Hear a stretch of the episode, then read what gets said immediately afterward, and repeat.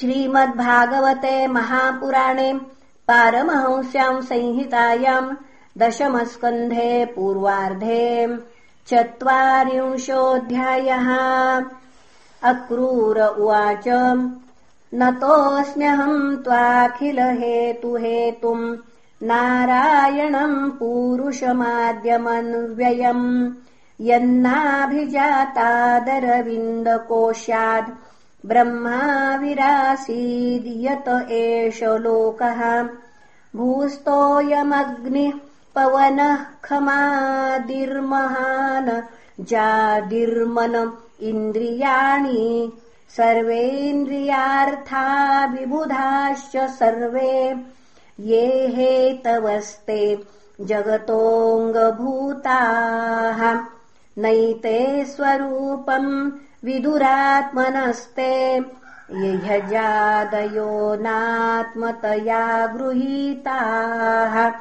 अजोऽनुबद्धः स गुणैरजाया। गुणात् परम् वेदनते स्वरूपम्। त्वाम् योगिनो यजन्त्यद्धा महापुरुषमीश्वरम् साध्यात्मम् साधिभूतम् च साधिदैवम् च साधवः। त्रय्या च विद्यया केचित् त्वाम् वै वैतालिका द्विजाः। यजन्ते विततैर्यज्ञैर्नानारूपामराख्यया। एके त्वाखिलकर्माणि सन्न्यस्योपशमम् गताः ज्ञानिनो ज्ञानयज्ञेन यजन्ति ज्ञानविग्रहम्। अन्ये च संस्कृतात्मानो विधिनाभिहितेन ते। यजन्ति त्वन्मयास्त्वाम् वै बहुमूर्त्येकमूर्तिकम्।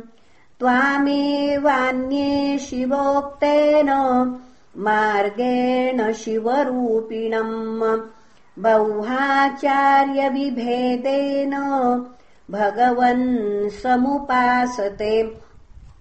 सर्व एव यजन्ति त्वाम् सर्वदेवमयेश्वरम् येऽप्यन्यदेवता भक्ताम् यद्यप्यन्यधियः प्रभो। यथाद्रिप्रभवा नद्यः पर्जन्या पूरिताः प्रभो विशन्ति सर्वतः सिन्धुम्। तद्वत्त्वाम् गतयोऽन्ततः स त्वम् रजस्तम इति भवतः प्रकृतेर्गुणाः। तेषु हि प्राकृताः प्रोता आब्रह्मस्थावरादयः तुभ्यम् नमस्ते स्वविशक्तदृष्टये सर्वात्मने सर्वधियाम् च साक्षिणे गुणप्रवाहोऽयमविद्यया कृतः प्रवर्तते देवनृतिर्यगात्मसु। अग्निर्मुखम् ते वनिरङ्घ्रिरीक्षणम् सूर्यो नभो नाभिरथो दिशश्रुतिः। द्यौकम् सुरेन्द्रास्तव बाहवोर्णवाः। कुक्षिर्मरुत् प्राणबलम् प्रकल्पितम् रोमाणि वृक्षौषधयः शिरोरुहा मेघा परस्यास्थि नखानि ते द्रयः।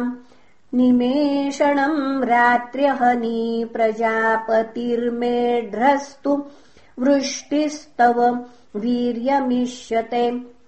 त्वय्यव्ययात्मन् पुरुषे प्रकल्पिता। लोकासपाला बहुजीवसङ्कुलाः। यथा जले सञ्जिहते जलौकसोऽप्युदुम्बरे वा। मशकामनोमये यानि यानि हरूपाणि क्रीडनार्थम् बिभर्षिः। तैरामृष्टशुचो लोका मुदा गायन्ति ते यशः। नमः कारणमत्स्याय प्रलयाब्धिचराय च। हयशीर्ष्णे नमस्तुभ्यम् मधुकैटभमृत्यवे। अकूपाराय बृहते नमो मन्दरधारिणे क्षित्युद्धारविहाराय नमः सूकरमूर्तये। नमस्तेऽद्भुतसिंहाय साधुलोकभयापः। वामनाय नमस्तुभ्यम् क्रान्तत्रिभुवनाय च। नमो भृगूणाम् पतये दृप्तक्षत्रवनच्छिदे नमस्ते रघुवर्याय रावणान्तकराय च। नमस्ते वासुदेवाय नमः सङ्कर्षणाय च। प्रद्युम्नायानिरुद्धाय सात्वताम् पतये नमः। नमो बुद्धाय शुद्धाय दैत्यदानवमोहिने म्लेञ्छप्राय क्षत्रहन्त्रे नमस्ते कल्किरूपिणे। भगवन् जीवलोकोऽयम् मोहितस्तव माययाम्। अहम् ममेत्य सद्ग्राहो भ्राम्यते कर्मवर्त्मसु अहम् चात्मात्मजागारदारार्थ स्वजनादिषु। भ्रमामि स्वप्नकल्पेषु। मूढः सत्यधिया विभो। अनित्यानात्मदुःखेषु। विपर्ययमतिर्ह्यहम्। द्वन्द्वारामस्तमोविष्टो न जाने त्वात्मनः प्रियम् यथा बुधो जलम् हित्वा प्रतिच्छन्नम् तदुद्भवैः। आभ्येति मृगतृष्णाम् वै तद्वत्त्वाहम् पराङ्मुखहाम् नोत्सहेऽहम् कृपणधी कामकर्महतम् मनहाम् रोद्धुम् प्रमाथिभिश्चाक्षैर्ह्रियमाण मितस्ततः सोऽहम् तवाङ्घ्रियुपगतोऽस्मयसताम् पुनः सोऽहम् तवाङ्घ्रियुगयुपतो पुनः सोऽहम् तवाङ्घ्रयुपगतोऽस्म्यसताम् दुरापम्।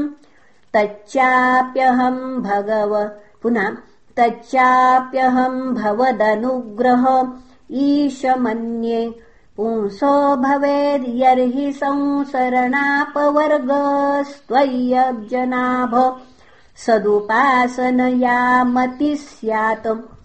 नमो विज्ञानमात्राय सर्वप्रत्ययहेतवे।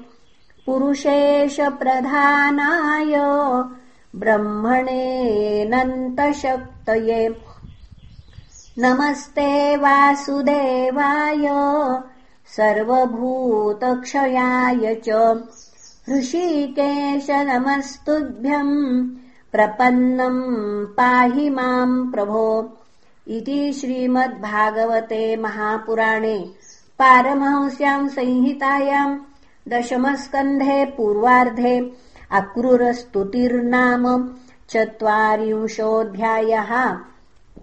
श्रीकृष्णार्पणमस्तु हरये नमः हरये नमः हरये नमः